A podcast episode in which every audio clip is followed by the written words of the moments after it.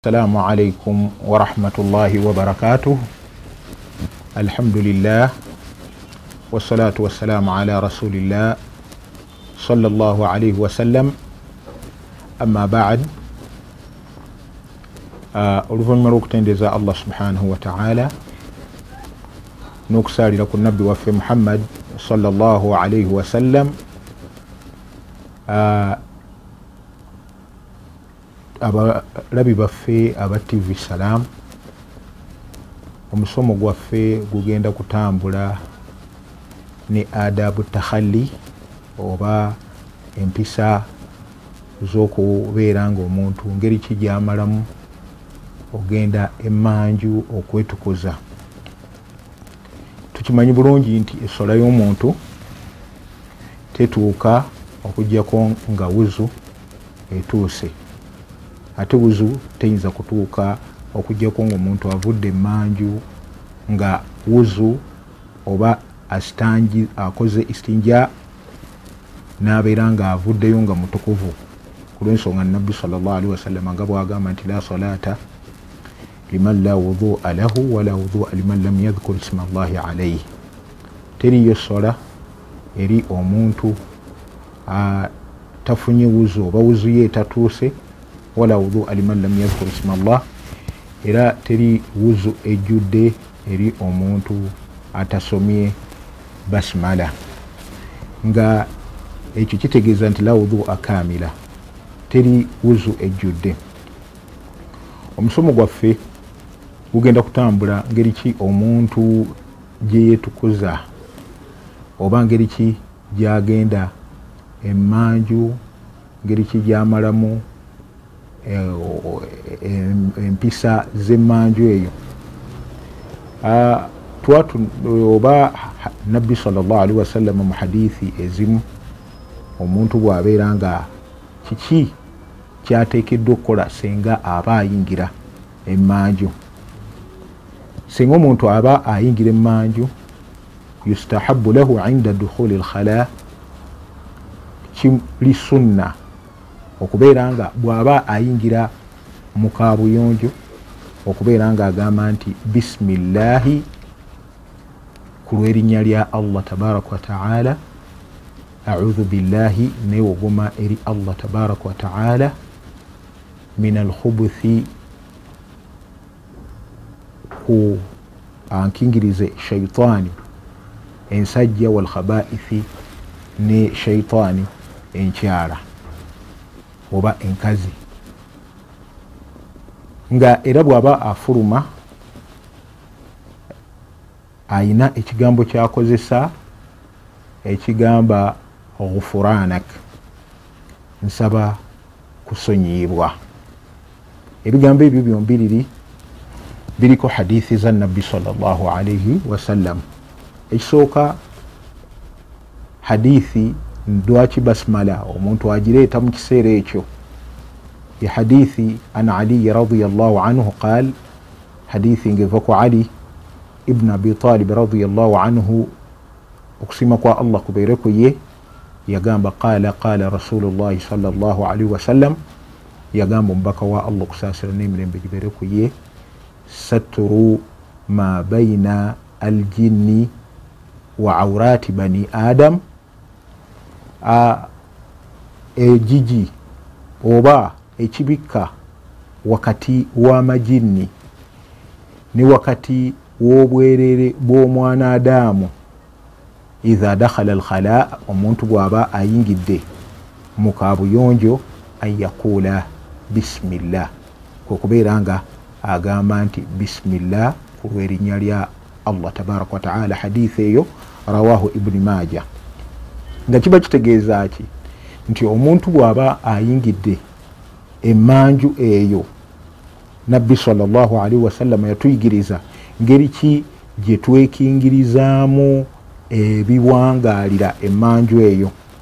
Nga edduwa nabbi salllah alihi wasallama yagituwa okubeera nga allah tabaraka wataala atukingiriza ngaekisookerwako kwekubeera nga ogamba bisimillah hadithi nga bwe tugambye ekyokubiri kwekubeera nga ogoberezaako ekigambo allahumma inni audhu bika ai allah newogoma gyoli min alkhubuthi okubeera nga onkingiriza amajinni amasajja wa alkhabaith n'amajinni amakyala.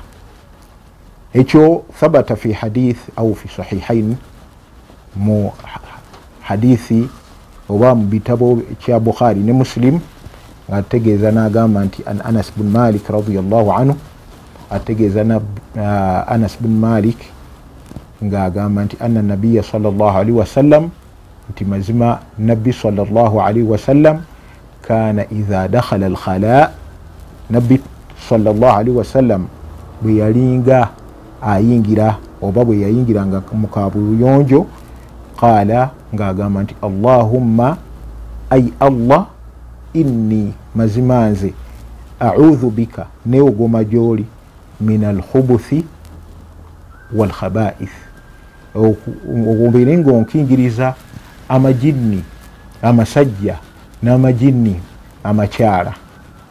Ekigambo alkhubuth osobola okubeera nga okisoma nga kiriko sukuuni ku bba onogamba alkhubuth oba alkhubuth nga byonna bituufu ngaera mu luwarabu bwe bijja nga bitegeeza. Ku lwensonga nti bwogamba nti alkhubuth kitegeeza fahiya asharru walkubuh kyekibi nooba n'ekintu ekitamwa. Ate bwe kijja bimaana alkhabaith kiba kitegeeza nti annufuusu asharira ebintu oba emyoyo emibi. Kiba kitegeeza ki nti hadithi ebenga etegeeza nti allahumma inni audhu bika min sharri min asharri ai allah neogoma gyoli mu bubi wa ahalihi ne mubannanyini bubi obwo. Ate bwosoma alhubuth ngaotaddeko ku uh, bau dhamma uh, fahiya jamu khabith kiba kitegeeza nti bwe bungi bwekintu nga kibi. Kati kiba kitegeeza ki nti amakulu gaba gategeeza nti audhu bika min dhukurani shayatin wa inathihim. Ai allah nkusaba onkingirize uh, e, shaitani ensajja ne shaitani nkazi.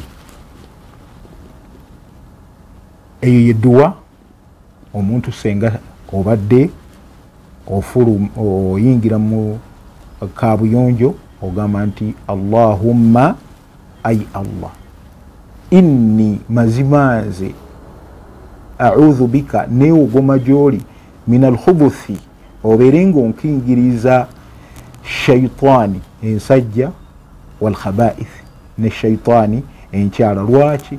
Ku lwensonga nti nabbi salllahalihi wasallam yakakasa ebifo ebyo nga mu hadithi ya zaid bun arkam qala qala nabiyu salllahalihi wasallam yagamba nabbi salllahalihi wasallama inna hathihi lhushusha muhtadara mazima obuyigo buno bwe mulaba oba bukabuyonjo buno mulaba tahdhuruha ashayatin shaitaani zibeerayo era ye mawa shayatin.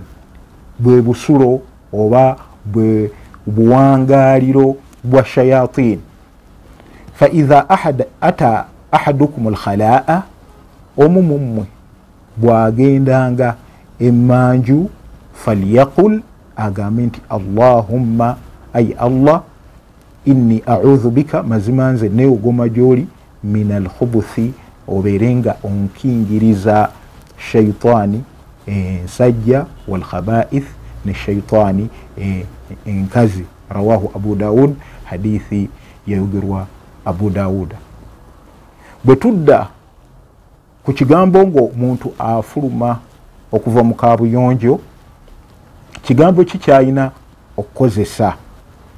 Ekigambo kyayina okukozesa kyekigambo ghufuranak. Ekigambo ekyo kiba kitegeeza ki nti asaluka ghufuranak. Ai allah nkusaba okusonyiyibwako beera nga ai allah nkusaba obeere nga onsonyiwa. Oli yandyebuuziza nti lwaki omuntu ng'afuluma mu kabuyonjo lwaki asaba allah tabaraka wataala abeere nga amusonyiwa? Abamanyi abamu oba abamanyi baleeta ebigambo ebyenjawulo nti lwaki omuntu asaba okubeera nga asonyibwa okubeera nga ayogera nga ava mu kabuyonjo ekigambo gufuranak abamu bagamba nti liinkitaihi an dhikiri llah fa innahu yastaghfiru llaha. Olwokuba akabanga kamaze mu kabuyonjo abadde tatendereza allah tabaraka wataala kyekimuleetera okubeera nga agamba nti obufuranaka nsaba kusonyibwa naye ate ekyo kirimu obuzibu mu ngeri ki? Nti eyatulagira okubeera nga bwe tuba tuli mu kabuyonjo tubeere nga tetutendererezaayo ye allah oba nabbi salllahalihi wasallam yeyatuyigiriza. Kiba kitegeeza nti omuntu bwagenda mu kabuyonjo n'abeera nga tatendererezaayo allah tabaraka wataala fakad imtathala amra rasulillahi salllahalihi wasallam aba atadde ekiragiro kya nabbi salllahalihi wasallama mu nkola. Kiba kitegeeza ki? Nti awo aba talina kuvunaanibwa.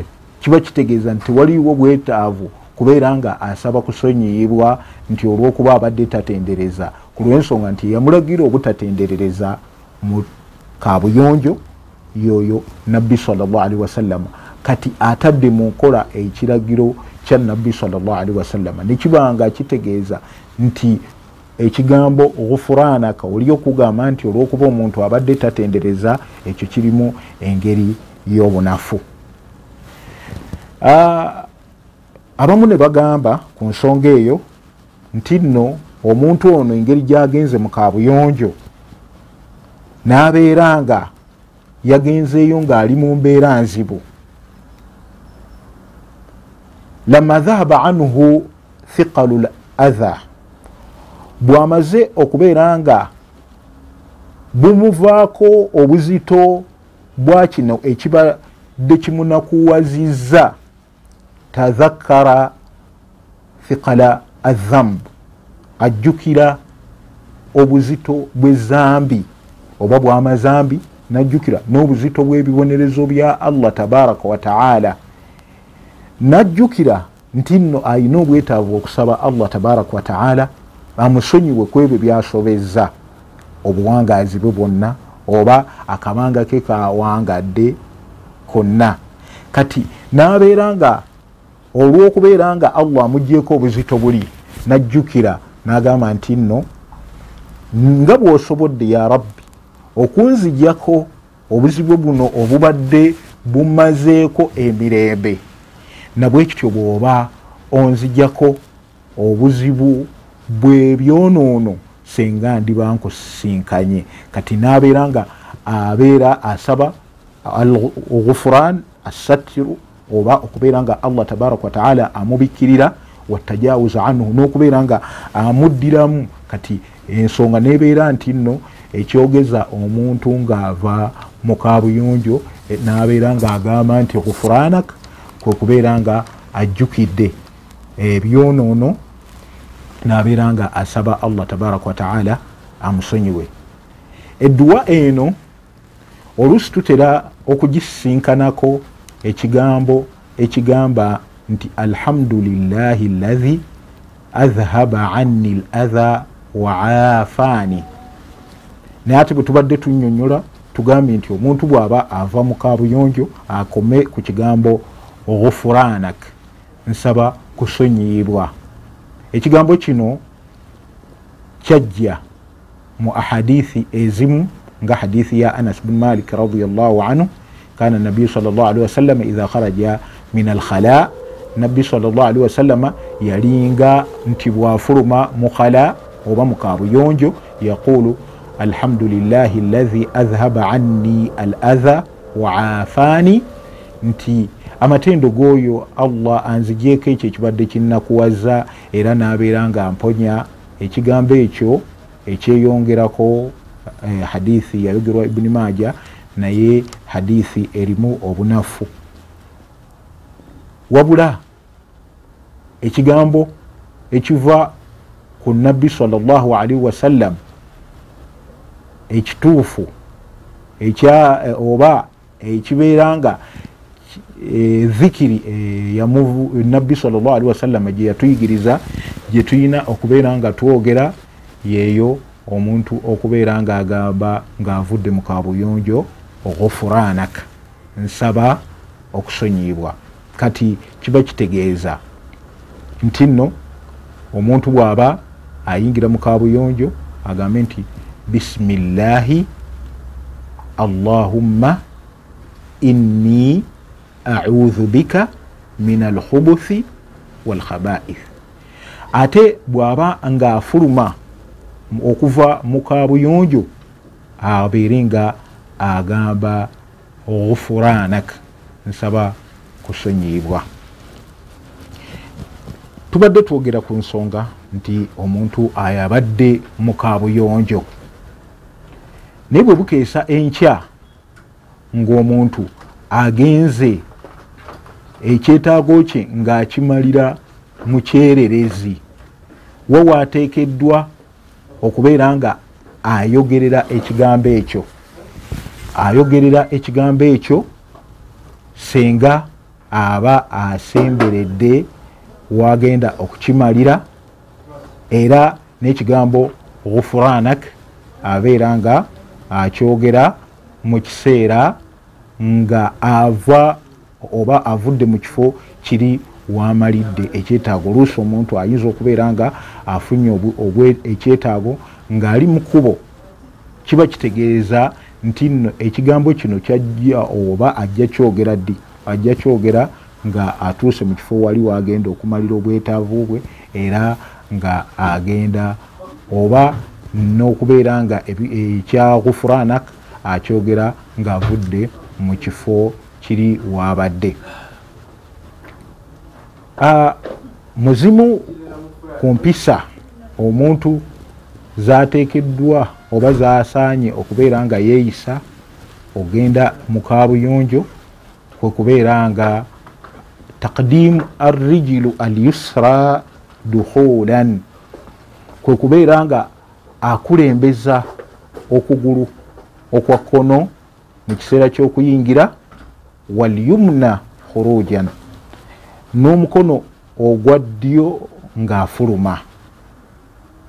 Ekyo baulama ittafaku ala dhalik bakyegattako nga basinziira ku bintu naddala ebibeera nga byakitiibwa byo tutera kukozesa ddyo. Mathalan oba omuntu akulembeza ng'ayingira mu muzikiti masjidi oba abadde ayingira muzikiti yuqaddimu lyumna oba abadde ayambala ngatto yuqaddimu lyumna nga hadithi ya nabi salllahalihi wasallam egamba nti kana nabiyu salllahalihi wasallama yujibuhu atayamun nabbi salllahalihi wasallama kyalinga kimusanyusa nnyo omuntu okutandika n'okugulu kwe okwa ddyo fitanolihi mu kubeera nga ayambala engatto ze watarajulihi ne mukusanirira kwe enviiri wafi, wafi sha'nihi kulli ne mu mbeera ze zonna.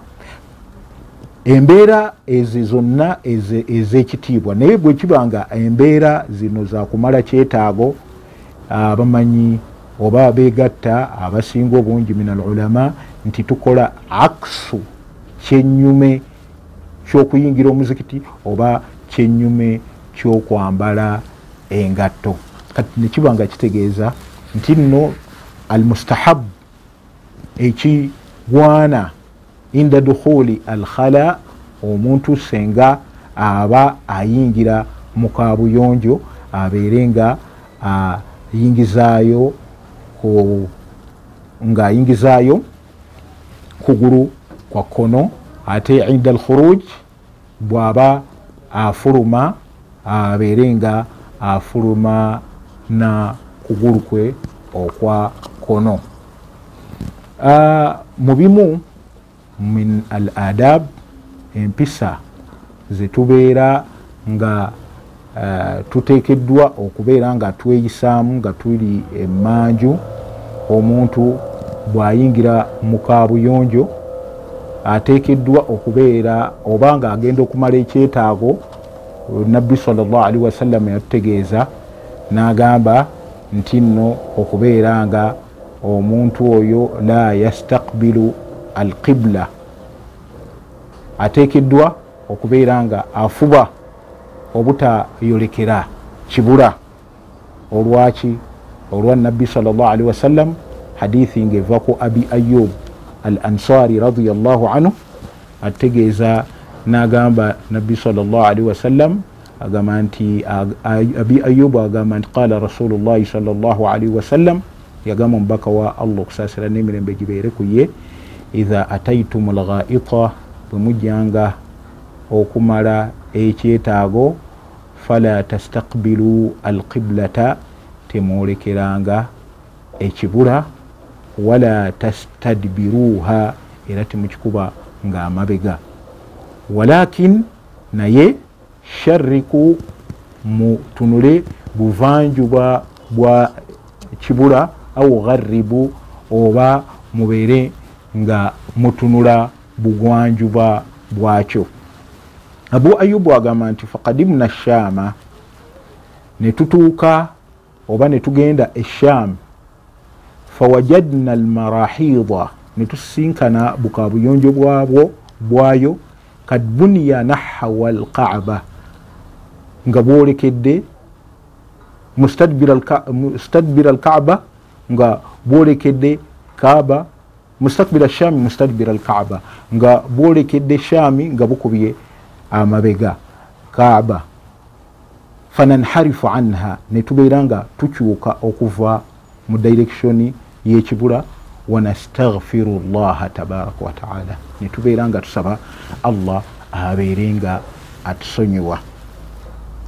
Eyo hadithi etulaga nti nno omuntu bw'aba nga agenze mu kabuyonjo omuntu bw'aba nga amala ekyetaago tayina kwolekera kibula oba tayina kukikuba mabega.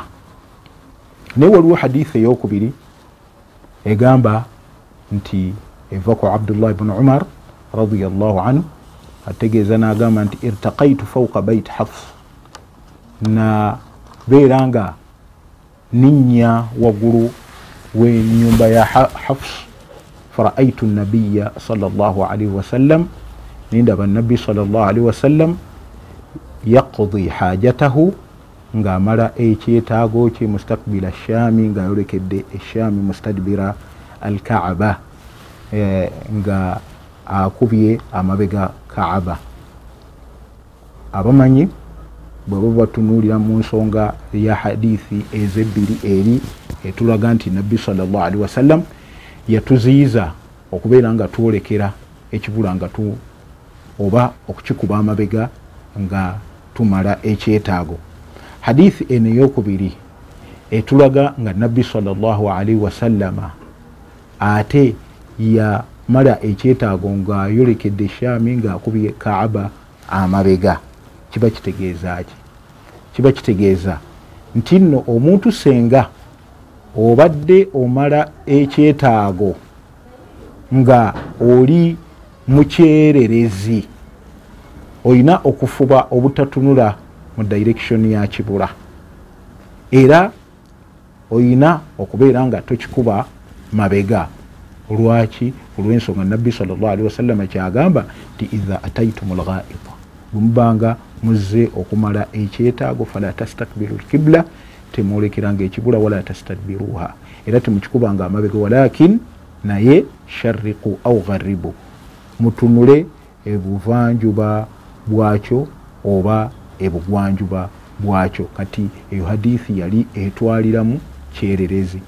Naye senga omuntu ayingira mu kabuyonjo nasinkananga kabuyonjo yayolekera ekibula ayolekere kabuyonjo gye yatunula olwaki olwokuba nabbi sallallahu alaihi wasallam yatutegeeza nti nno omuntu eh, oba hadithi ya abdullah bni umar nga nabbi salllahalihi wasallam yamala ekyetaago eh, nga mustakbila shami mustadbira alkaaba ngaayolekedde eshami ngaera akubye kaaba amabega. Nekiba nga kitegeeza nti ezo empisa ebbiri ekisooka bwe tuba nga tugenze mu kabuyonjo kyetulina eh, ekisookerwako twogedde ku dduwa omuntu gyasoma ng'ayingira nedduwa omuntu gyasoma ng'afuluma netwogera ku kigambo kugulu ki kwoyina okusoosa senga obadde oyingira era kugulu ki kwosembyayo ng'obadde oba kugulu ki kwosoosa ng'ofuluma netugamba nti bwobeera mu kabuyonjo toteekeddwa kubeera nga oyolekera ekibula wadde okubeera nga okikuba amabega. Tusaba allah tabaraka wataala atugase n'ebyo byetuyize mu mpisa z'okumala ekyetaago. Wassalaamu alaikum warahmatullahi wabarakatu